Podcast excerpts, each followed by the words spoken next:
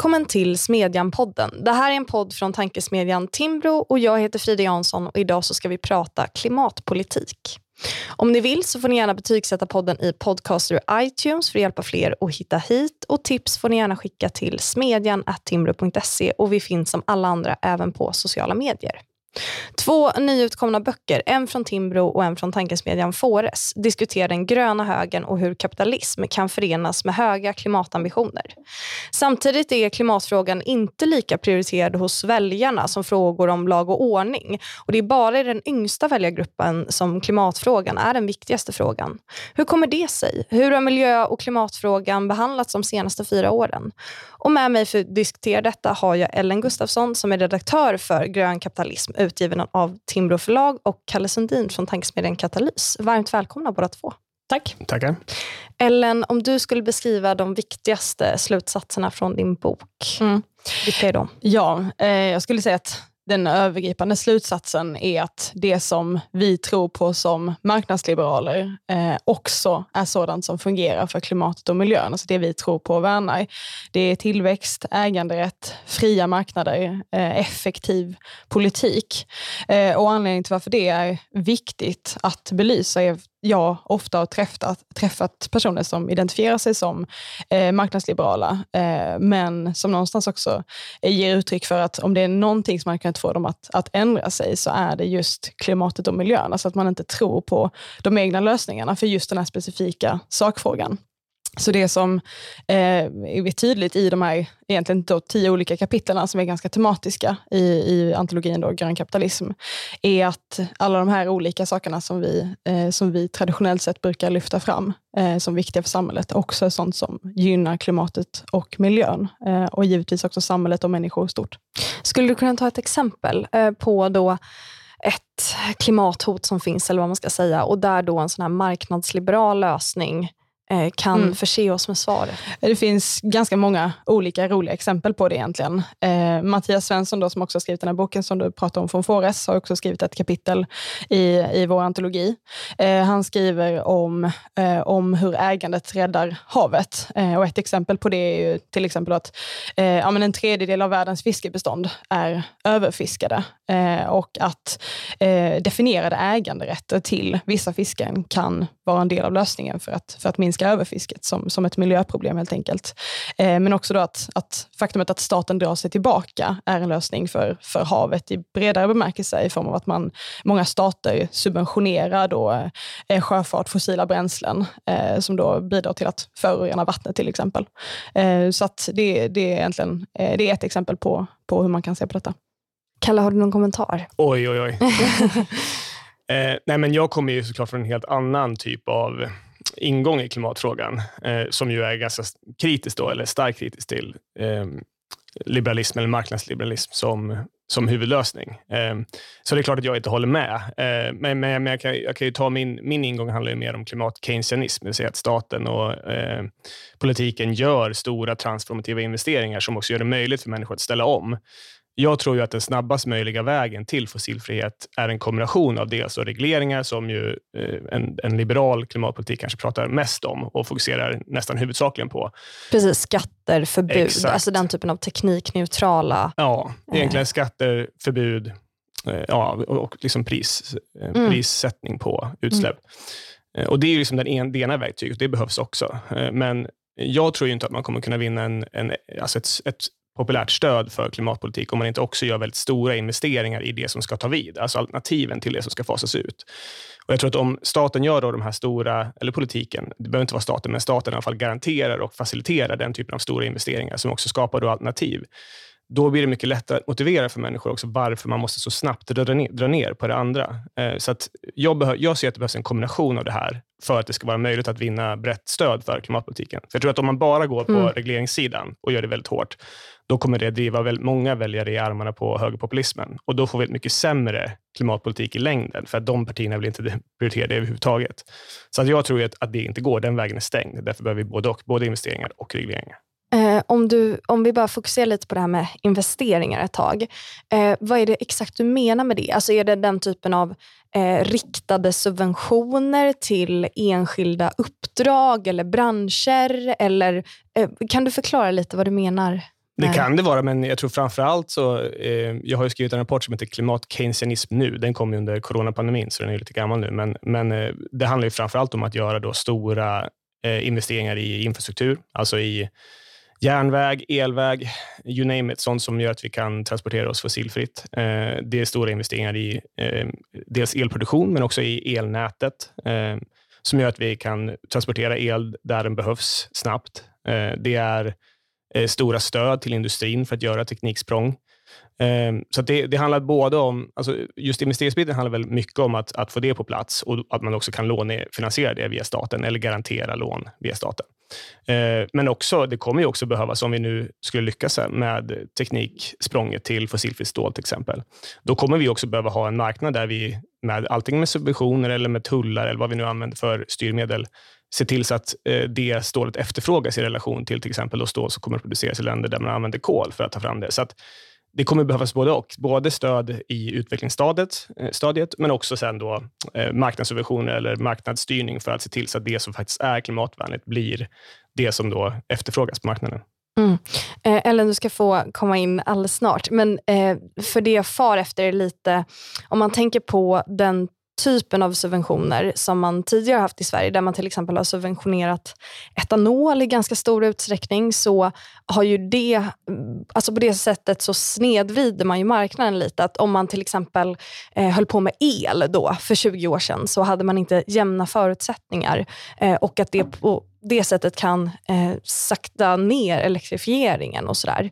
Eh, och, och, du behöver inte kommentera just det exemplet, Nej. men jag undrar hur du tänker kring ja, men egentligen hur specifika de här subventionerna ska vara. Om du ser något problem med att man tränger ut eh, kanske ny teknik och sådär genom att använda den typen av verktyg. Ja, ja men det här är säkert någonting som jag och Ellen kommer vara oense om. Men jag tror inte man ska vara för rädd för att det man brukar kalla för välja vinnare. Eh, eller då att, eh, jag tror inte man ska använda det här etanolförsöket som ett, eh, ja, teckna in det som ett ett resultat eller ett facit på att alla typer av riktade stöd till tekniksprång är negativa. Utan, eh, jag tror så att Eh, man ska inte välja en specifik, specifik vinnare. Man behöver inte lägga alla ägg i samma korg, som till exempel Moderaterna vill göra med kärnkraft. Att man ska låsa sig till kärnkraft och man ska till och med få stämma staten om man liksom ändrar förutsättningarna sen. Och det är dessutom konventionell kärnkraft.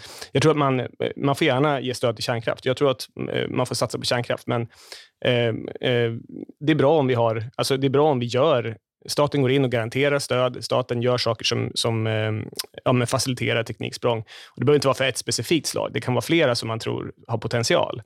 Eh, det handlar bara om att vi kan inte vänta. Vi måste göra saker och ting nu. Eh, och ja, Det man kan dra som lärdom är att ta inte bara en specifik grej, utan se till att rikta stöd till många olika teknikslag eller olika former av då klimatsprång, så att säga. Ehm, jag tror ju att Eh, den, den här idén om att staten ska, ska ge massa pengar till olika eh, liksom subventionsprogram, om man säger så, till olika eh, tekniker. Problemet med det är ju att det riskerar att leda fel, eh, som, du, som du var inne på Frida. Det, det är så jag, jag ser på det. Eh, och Jag tycker att etanolbilarna är ett, ett, liksom ett bra exempel på, på när man då försökt att välja vinnare och sen så visar det sig vara någon annan teknik som längre fram är den som, som tar över och, och vinner. kvinner Um, så, att, så det är liksom det första problemet, att det här riskerar att leda oss på, på villovägar eh, i en tid när man säger att liksom, vi, klimatet kan inte vänta. Eh, då tycker jag att man behöver förlita sig på de prissignaler eh, och, och, på marknaden. Och jag tycker till exempel nu med, eh, om vi bara kollar på fordonsindustrin, eh, det finns så många fordonstillverkare som redan nu har satt, satt årtal när förbränningsmotorn ska fasas ut. Alltså att man, man är väldigt tydlig från, från marknaden själv att vilken teknik man ser som som vinnande framöver. Eh, så frågan är ju liksom vad, vad, eh, ja, eh, just det här, vad, vad statlig inblandning där kan riskera att liksom skada, om man säger så. Och sen så om man då tänker på klimatkliv, industrikliv, alltså alla de här subventionsprogrammen som, som har definierat den, den här regeringen ehm, så, så tror jag snarare att det liksom, jag tror inte man ska överskatta dess betydelse för själva omställningen. Jag tror mer att det är eh, någonting som ger politiker möjlighet, liksom, politisk positionering och liksom, att stå där och klippa lite band eh, och hämta politiska poänger. Alltså, det är en ganska liten andel eh, som de här statliga stöden egentligen är i förhållande till eh, liksom, vilka enorma investeringar som krävs i industri och transporter och, och sådär. Men Ellen, kan man inte säga som Kalle säger då, att vi kan inte vänta, alltså det måste hända någonting nu. Eh, mm. Mot bakgrund av hur akut ändå ja, situationen är. Ja, men, jag, jag, förstår det och jag köper det. Eh, samtidigt så återigen, jag tycker man ska ha de här andra riskerna i åtanke. Alltså vad är det som man hamnar i? Kan det leda fel? Och jag tycker, eh, som du var inne på det här med, med eh, järnvägar till exempel, alltså om vi tar höghastighetstågen som ett exempel. Eh, det är ju många som vill se investeringar i det eh, och, och, definierar det som någon slags klimatsatsning. Eh, och när myndigheter utvärderar det, alltså det här riskerar ju bli bland de sämsta investeringarna i Sveriges historia. och så du menar att den den här aktiva statliga industripolitiken kan eh, ja, till och med göra det värre för klimatet? Eller ja. förstår jag rätt då? Ja, alltså det kostar väldigt mycket och ger kanske ingen nytta och kan i värsta fall då göra att vi hamnar på villovägar. Och eh, när myndigheter har räknat på till exempel höghastighetstågen så, eh, så har man ju sett att de här utsläppen som skulle bli av bara under byggtiden, alltså de hade kunnat vara intjänade i slutet av 2300-talet. Eh, och vi pratar om en omställning som ska ske de kommande decennierna. Alltså jag, jag, jag, ska ta upp många trådar här, men, eller jag ska plocka upp flera av de trådar du la ut här. Men eh, jag tror också man ska se att vi är i ett lite annat skede också än just etanolinitiativet. Eh, om man ska ta det som ett problematiskt eh, um, exempel, så är det så att vi jag menar, vi vet ju nu att jag menar, eh, alltså stålproduktionen, eh, där behöver vi eh, alltså förnybar energi, vätgas. Alltså vi, vi är i ett annat skede där vi vet att de här teknikerna kommer vara det som är alla fall ledande i de här första då, två, tre decennierna där vi verkligen måste göra omställningen. Så det är inte riktigt på samma nivå heller. Som, eller samma, vi har mycket mer kunskap än vi hade då. Så jag tror att, att stöden nu är mycket mer välriktade. Um, och man ska också komma ihåg att väldigt många tekniker har ju, alltså har ju genom staten, alltså statlig finansiering, statliga garantier, blivit så framgångsrika som de, som de eh, ja, har blivit. Alltså till exempel kärnkraft är ett sådant exempel, där staten på ett väldigt tydligt sätt såg till att det blev av. Internet var ett sånt, ett, ett sånt exempel, bioteknik. Det finns ju väldigt många, eh, det är ju en, ett lästips från Katalys, alltså Masukato som har skrivit om entreprenörsstaten, alltså som visar hur staten går in eh, se till att skydda olika tekniker i en riskfylld utvecklingsfas mm. Eh, med då stöd och garantier.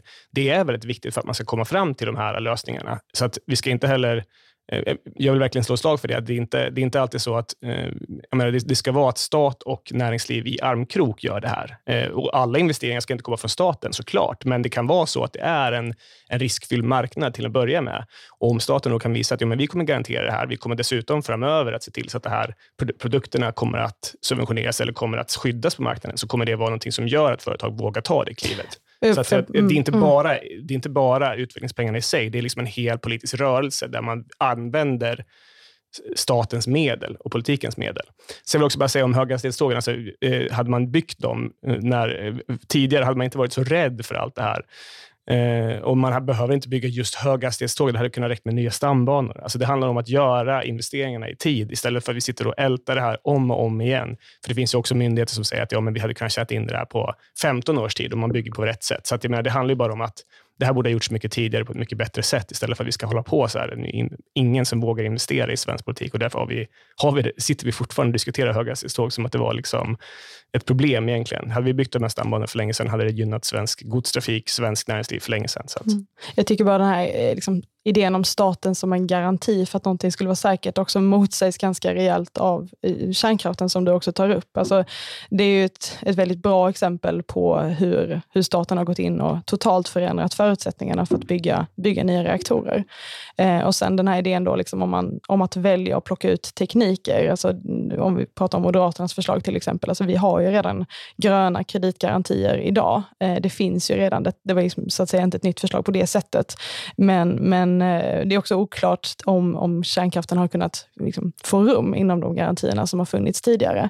Så att om man nu säger så att ja, men det ska vara lika för alla, alla tekniker så borde det rimligtvis också, eh, också gälla kärnkraften. Jag tänker att vi ska eh, gå vidare. Jag ska också säga att om man är intresserad av Matsukato, som du pratade om Kalle, så har vi ett helt avsnitt av henne av Smedjapodden nästa vecka. Um, Intressant. Ja, precis. Um, så uh, jag tänker att vi ska prata lite om varför väljarna eh, så att säga inte rankar miljö och klimatfrågan som den viktigaste frågan. Eh, man ska också säga att över tid så kan man också se en liten dipp, även om den är väldigt liten i relation till förra valet.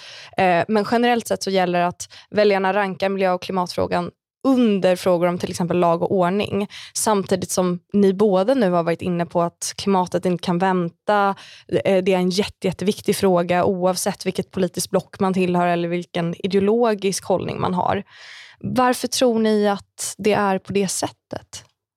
Um, jag skulle säga så här, den frågan som är, eller vilka frågor som är viktiga för väljare påverkas ju givetvis av liksom, sin samtid och vad som händer runt omkring oss uh, i den perioden när man blir tillfrågad.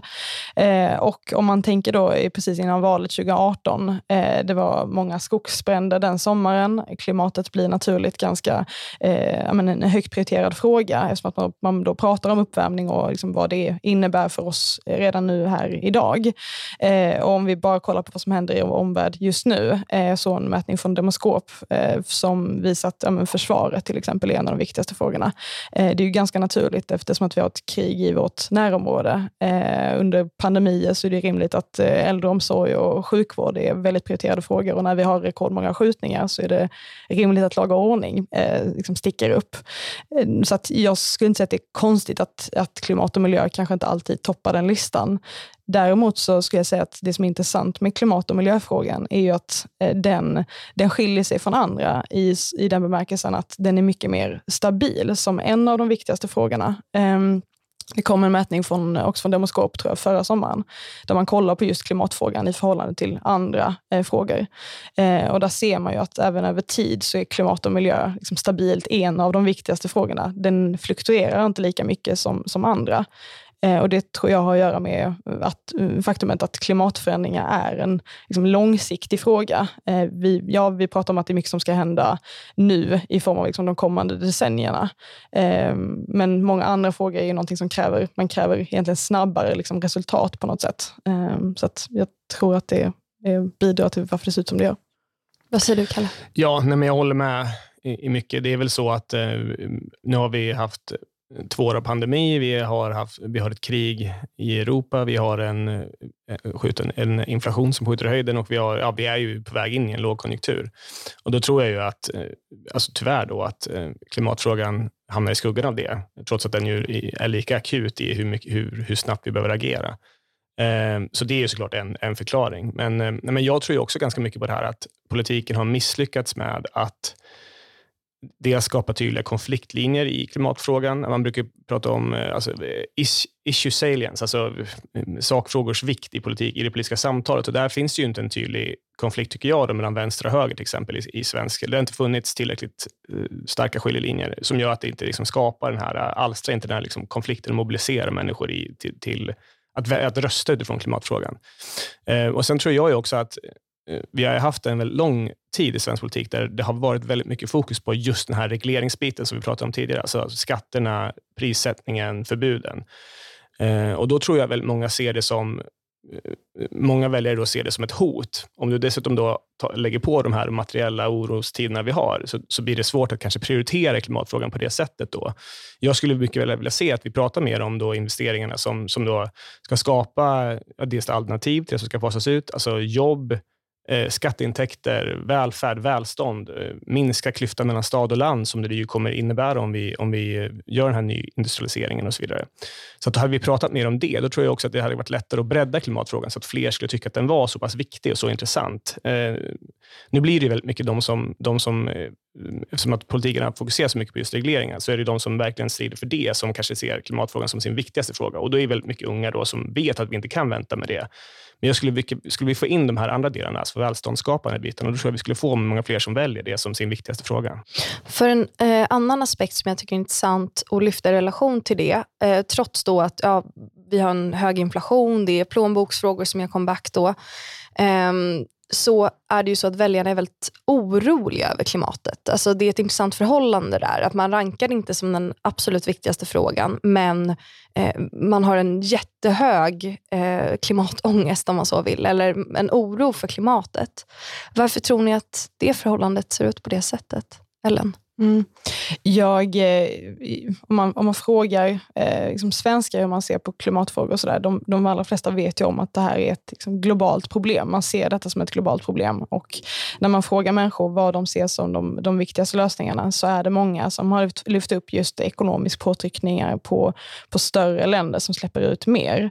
Eh, det betyder inte att Sverige inte har ett ansvar i de här frågorna. Vi har ett, ett stort ansvar. Eh, men men jag, jag tror att om man, liksom, om man ser det utifrån det perspektivet, att man har en ångest för, för vad som händer med globalt, eh, klimatet globalt, så är det lättare också att liksom, förstå eh, de, de här frågorna. Att ja, vi, vi ska dra liksom, vår, vårt stå till stacken i, liksom, i Sverige och göra det vi kan och bedriva smart och effektiv klimatpolitik.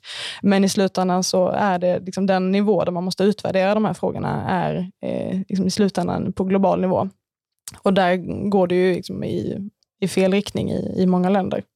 Mm, eller men, eh, eh, jag, jag tror återigen, det, det är det som jag var inne på. Tror jag, att det, mm. det finns inte de här ty tydliga konfliktlinjerna som gör att man, att man ser klimatfrågan på det sättet. Och jag skulle ju, man, man skulle mycket väl kunna göra då, i, i mitt tycke, då, klimatfrågan till en plånboksfråga. i just det jag försöker säga. Att om man gör de här investeringarna, om man ger Sverige en framträdande position i den kommande fossilfria ekonomi som, som växer fram, Eh, då förstår väljarna på ett annat sätt att det här handlar om eh, ja, att, att, skapa jobb, välfärd, välstånd till Sverige och det blir en plånboksfråga i längden. Alltså det kommer gynna svensk ekonomi. Om vi utifrån mitt klimat-keynesianistiska perspektiv då, gör stora investeringar nu för att vinna värden i framtida ekonomier, eller i den framtida ekonomin, då kommer det gynna Sverige som land eh, och det kommer skapa välstånd och minska klyftor. Så jag tror att det får man ut den bilden av klimatfrågan så kommer fler välja den som sin viktigaste fråga. Mm. Absolut. Jag tror samtidigt också att eh, vi, eh, vi är i en situation där plånboksfrågor är väldigt viktiga. Delvis på grund av den klimatpolitiken som har bedrivits alltså, och att den faktiskt har varit väldigt dålig. Om vi tänker på energi och elpriserna, det finns flera faktorer bakom dem. En av dem är att vi har lagt ner reaktorer i södra Sverige som har bidragit till att, eh, att vi har höga elpriser. Eh, och Det tycker jag också är intressant, alltså om man tänker på just miljö och klimat och hur väljare prioriterar den frågan. En fråga som har seglat upp och blivit bland de viktigaste frågorna är ju energifrågan. Eh, och den är ju i mångt och mycket väldigt kopplad till klimat klimatet och miljöpolitiken. Jag tänker att ehm, Ellen, din bok Grön kapitalism, du beskrev den lite som back to basics. Att eh, svaren när det kommer till klimatet, det finns i marknadsekonomin, det finns i äganderätten, det finns i de liksom, traditionella eh, liberala idéerna. Eh, och om man då tänker på vänstern i väldigt bred bemärkelse så har ju Vänsterpartiet på många sätt gjort en omläggning i eh, klimatfrågan, kanske framför allt. Vi hade ju Ida Gabrielsson här som är vice partiledare för Vänsterpartiet i Smedjan-podden som berättade om det. Och eh, man, man liksom vill åka på charter och Aftonbladet ledare skriver att det är, inte är bra med flygskam och sådär. Eh, så att om högern har gjort en, en back to basics-vändning så har vänstern kanske kommit på något nytt. Eh, Kalle, kan du inte berätta om det? Vad, har man släppt klimatfrågan eller hur kommer det sig att den här uh, omsvängningen har kommit till och hur ser du på den? Ja, nej, men det är väldigt intressant. Jag tror inte att man har släppt klimatfrågan på något sätt, men jag tror att man håller på med någon sorts ehm, eh, omgruppering, kan man kalla det. Eh, jag tror att det handlar om mycket om det som, som jag har varit inne på, att man inte vill enbart då lägga all vikt vid de här regleringssidan, alltså vid, eh, det som ska försvinna i vår konsumtion, utan att det eh, är eh, just det kommer få den här effekten, att många vänder sig bort från klimatrörelsen, känner sig exkluderade. De som inte har råd att göra dem Eh, klimatsmarta valen, de som, inte, eh, ja, de som bor i delar av landet där det är mycket svårare att transportera sig till jobb och fritidssysslor eh, fossilfritt. ja, de som jobbar såklart i sektorer som, som, som då drabbas om man, om man lägger ner industrier och så vidare. Så om man bara fokuserar på det, då kommer väldigt många vända sig bort från eh, vänstern som sådan, men också då klimatrörelsen. Och det tror jag, eh, det finns en rädsla för det. Det finns både i Socialdemokraterna, men den, men den manifesterar sig verkligen nu i Vänsterpartiet, som ju faktiskt försöker göra någonting åt det här. Då. Eh, så jag tror att det är en omgruppering där man vill fokusera mer på investeringar, för de har ju också lagt ett väldigt ambitiöst investeringsprogram. Eh, sen är ju... Jag tänker framförallt kanske på de sänkta bränslepriserna. Ja, men, ja, men precis. Ja, men det tycker jag att de landar fel i, att man vill göra, i det här initiativet, att man vill göra det ihop med Moderaterna, att man vill sänka ytterligare då. Eh, jag tror att det är att man kanske tar det till, eh, ja, att man kanske hamnar lite snett, men att jag tror att det är det här som är ambitionen bakom det. Det är därför man vill göra det. Alltså man vill visa att man ska vara en inkluderande klimatrörelse, inte en exkluderande klimatrörelse. Och även om jag tycker att man landar fel i det här specifika sakfrågefallet, så har jag ändå liksom en viss eh, jag menar, eh, menar, eh, vanligtvis har ju kanske Vänsterpartiet valt att vårda sitt urbana medelklassunderlag eller väljarunderlag i, i storstäderna och eh, inte Eh, haft en ambition om att försöka samla en arbetarklass eller samla en bred väljarmajoritet till vänster. Så att jag är ju i någon mån glad över att de gör de här eh, försöken. Alltså det är ju inte bara det här med bensinskatten, det är också att man liksom åker ut och står med industrihjälm. Man, man har verkligen visat att man vill göra då en en, eh, ja, men, eh, en ride i bruksorter och liksom visa att vi ska vara en, en rörelse som tar med folk. Eh, och Det tror jag också, då, de här investeringarna, det är nog det som är målet med det här, mm. att man vill lyfta upp dem. Sen lyckas man inte med det riktigt, för att de här, alltså, svensk politik har sin logik. Alltså, om det blir den här typen av skarpa förslag så kommer det att upp medieutrymmet och så vidare. Men jag tror man, det som är grundtanken, eller det som är omgrupperingen, är att man vill fokusera mer på investeringar, den inkluderande omställningen och inte bara då strida högst för de högsta skatterna på utsläpp och bensin till exempel. Jag tror det som är liksom eh, ambitionen bakom det. Sen, om det lyckas kan vi diskutera en annan gång, men, men det är därför man gör det i alla fall. Mm. Ellen, har du någon kommentar? Nej, men jag tror att eh, Kalle är inne på någonting här. Eh, och eh, Sen så har det blivit ganska populärt idag att komma med väldigt enkla lösningar på svåra problem. Eh, och De sänkta drivmedelspriserna är väl liksom en del av det.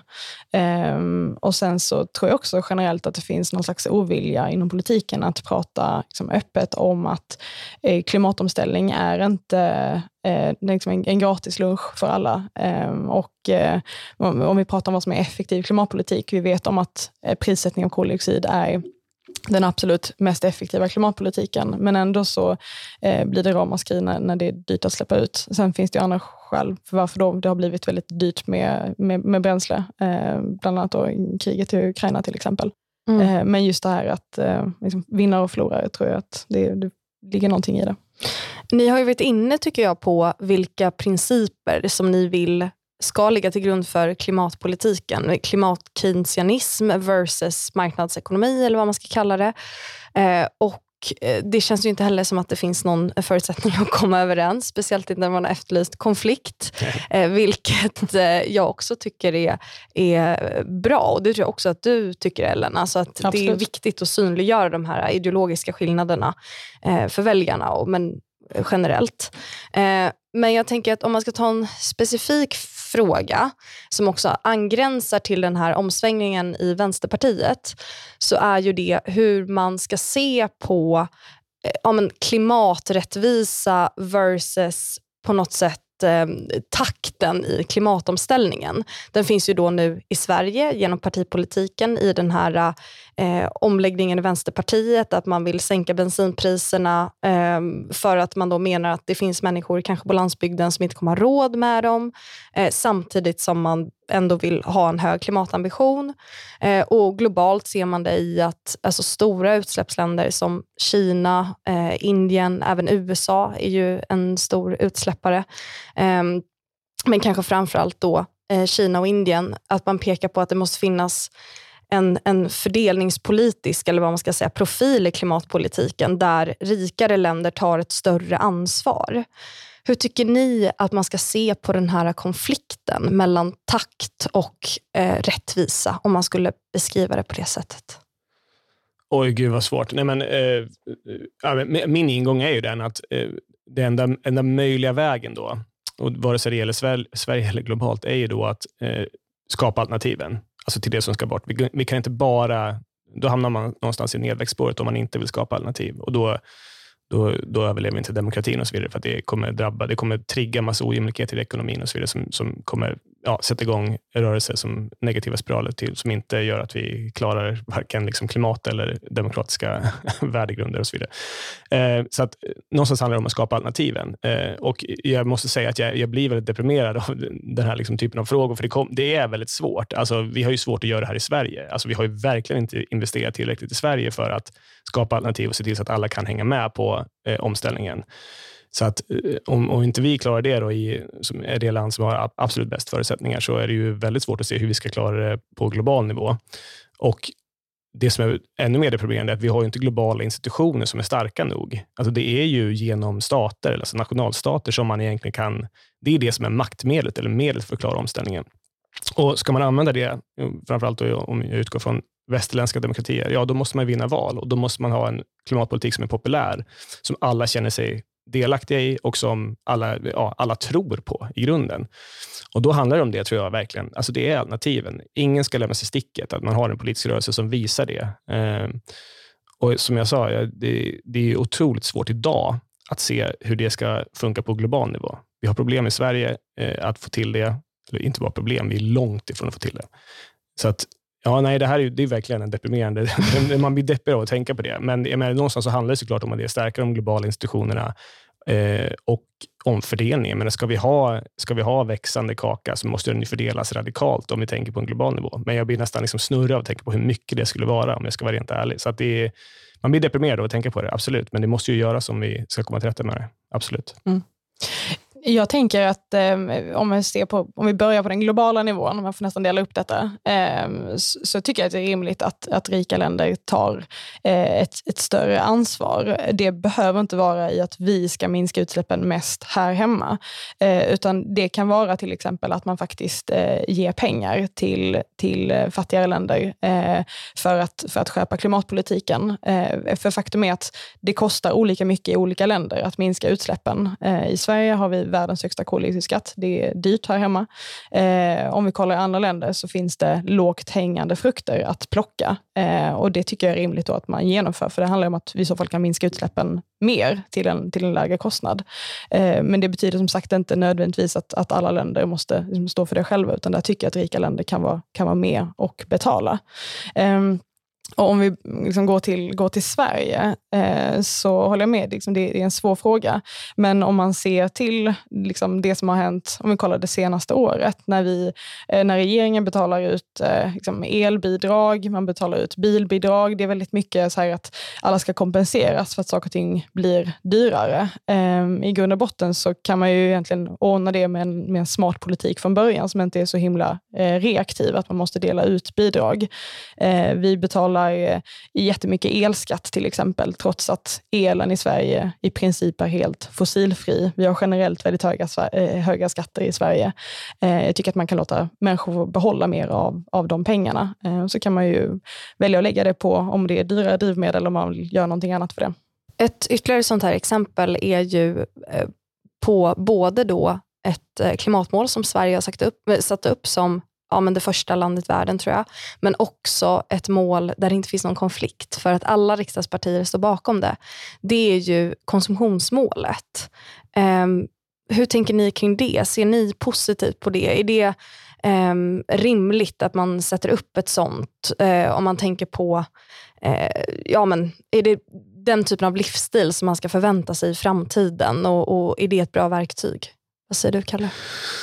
Alltså, ja, det, det, behövs ett sånt, absolut. Sen tror jag, liksom, om det ska få effekt, om det ska eh, bita på något plan, så återigen, då, det, jag tjatar, men det, det, är ju lite det som är mitt uppdrag. Tänkte säga. Det är ju de här investeringarna, alltså det som ska vara då, som ska ta vid för det vi ska istället, eller det vi, vi ska sluta med många grejer och då måste någonting annat kunna ta vid.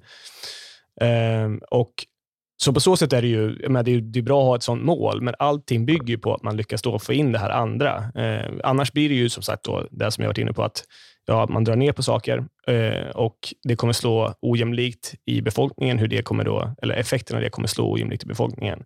Och Då måste ju politiken parera det, antingen då genom alternativ eller med då andra former av liksom styrmedel. Men Eh, så för mig, återigen, det bygger helt in på att man då lyckas med det här andra, det vill säga alternativen investeringarna. Ehm, och då, jag menar, vi, vi ska komma ihåg det att så här, både jag och Ellen är ju egentligen i grunden tillväxtvänliga. Eh, sen har ju vi djupt olika liksom, syn på hur man ska ta tillvara på den tillväxten. Jag tycker att man ska omfördela den på ett annat sätt. Den ska Eh, ja, det behövs en mycket större progressivitet i skattesystemet generellt, men också i klimatbeskattningen och så vidare. Men, så att jag ser liksom att det, det som ska växa måste då fördelas rätt och så vidare. Eh, annars är vi ju körda. Eh, men det finns ju en mycket rimlig civilisationskritik också som handlar om att vi konsumerar för mycket och gör det på fel sätt. Och Det ska ju verkligen in i det här när vi pratar om på det globala planet också. att Vi behöver ju verkligen sluta med väldigt mycket i Sverige. Man ska inte heller jag ska inte försöka liksom sopa det under mattan med att bara prata investeringar. Eh, det är verkligen, det här är viktigt eh, och det är, det är liksom en av två delar för mig. Eh, så det är klart att vi ska ha de här målen, det är klart att vi ska jobba för det. Men ska vi göra det på ett inkluderande sätt så behövs också alternativen. Det är mest min, det som är min ingång. Så att hur, hur effektivt det här målet kommer bli och om vi ens kommer kunna nå det beror på det här andra vi gör, omfördelningen, investeringarna. Mm.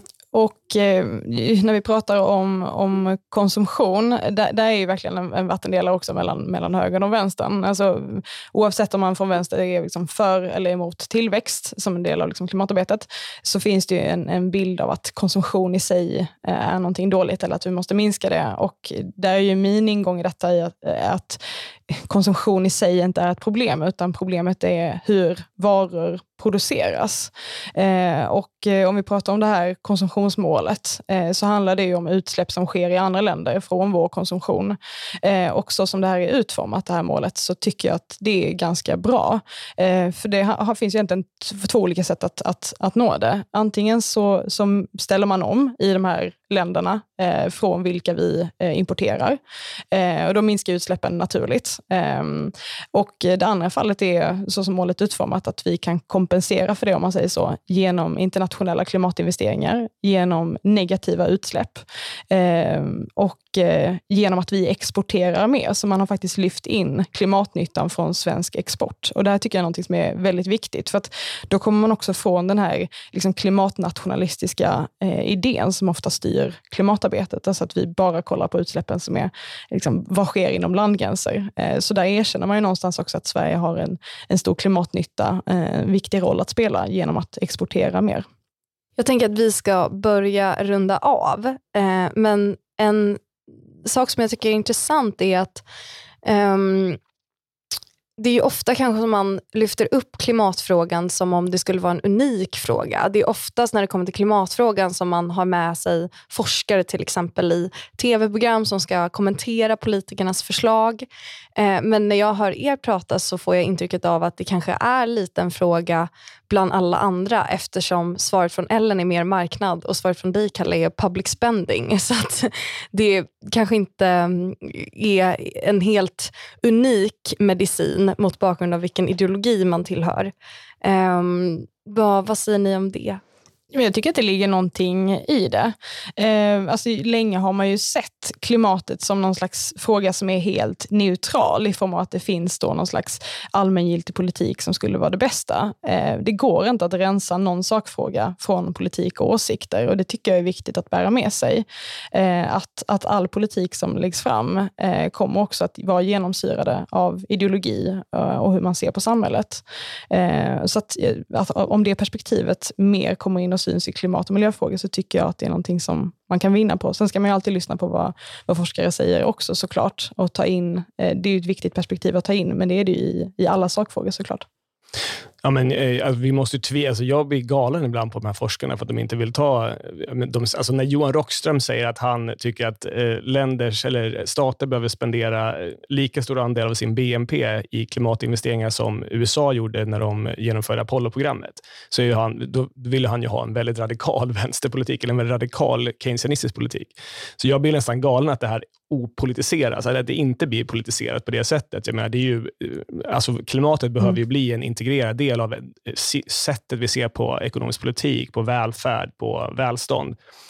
Och jag menar, det, den, den, här typen av diskussioner behöver vi få fler av, för det är just det som gör det. Det skapar ju verkliga skiljelinjer, visar för väljarna att det kan vara någonting annat än bara just det här eh, dels då bara regleringar, men också bara det här... Eh, det, finns ju, det, det kan man ha som kritik mot klimatrörelsen, tycker jag. att det är väldigt mycket, vi, ska slu, eh, vi, vi, måste göra det här, vi har de här målen, vi ska nå målen, vi ska nå målen, vi måste göra mer. Men det är väldigt lite liksom snack om hur man gör det på ett sätt som får med hela då befolkningen på, på, i båten. Så att jag menar, att, vi, eh, att göra klimatfrågan till en ideologisk fråga är ju en förutsättning för att, det överhuvudtaget, att vi ska klara klimatomställningen överhuvudtaget. Att vi pratar om det på det sättet och gör det till en integrerad del av ekonomisk politik. Sista frågan, ni får ha väldigt kort eh, pitch nu. Eh, har regeringens klimat och miljöpolitik de senaste ja, men, åtta åren, har den varit bra? Ellen, du får börja. Den har varit präglad av symbolpolitik, det har varit ineffektiv politik och klimatet och samhället behöver en grön höger i höst. Oj, så kort kommer inte jag kunna vara. Nej, men, eh, eh, ja, men jag, jag, är lite förvånad. Jag trodde att det var den liberala, eh, någon som står för liberal klimatpolitik, ändå skulle gilla det här med grön skatteväxling och det som har varit då Eh, den är så ineffektiva miljöskatter. Ja, ja. Nej, men för mig så är det så. Det är, grön skatteväxling har ju varit eh, flaggskeppet i liksom januariavtalet och det som många, då, Centerpartiet och Miljöpartiet, har liksom skrytit om och lyft fram. Och för mig är det hål i huvudet. Alltså det är ju att höja skatter på sånt som är dåligt för klimatet. Det får man absolut göra, det är viktigt. Men att sedan använda de skatterna, intäkterna till att sänka skatter i andra ledet, det skapar en tydlig signal då till väljarna och befolkningen att det här får ni klara själva. Vi kommer göra saker dyrare, vi kommer göra era livspussel svårare, men vi kommer inte satsa på det som ska komma till istället, alltså investeringarna, alternativen till det här som vi ska sluta med. Så för mig har ju det här varit ett, ett mycket dåligt sätt att, att bedriva klimatpolitik som verkligen har fått folk att tveka på klimatrörelsen och klimatpolitiken som sådan. Sen hoppas jag att de här nu, de senaste åren har ju nyindustrialiseringen präglat mycket av politiken och det hoppas jag kan liksom leda in på det här andra, det som är jobben, välstånden, välfärden. Eh, så jag hoppas att, att det då tar vid. Men jag har ju varit väldigt kritisk till den här gröna skatteväxlingen som har lyfts fram som så viktig. Jag förstår det som att det är ett något eh, sämre betyg från er båda som ges till regeringens klimat och miljöpolitik. Jag vill tacka er så jättemycket för att ni kom hit, Ellen Gustafsson och Kalle Sundin. Så hörs vi som vanligt nästa vecka.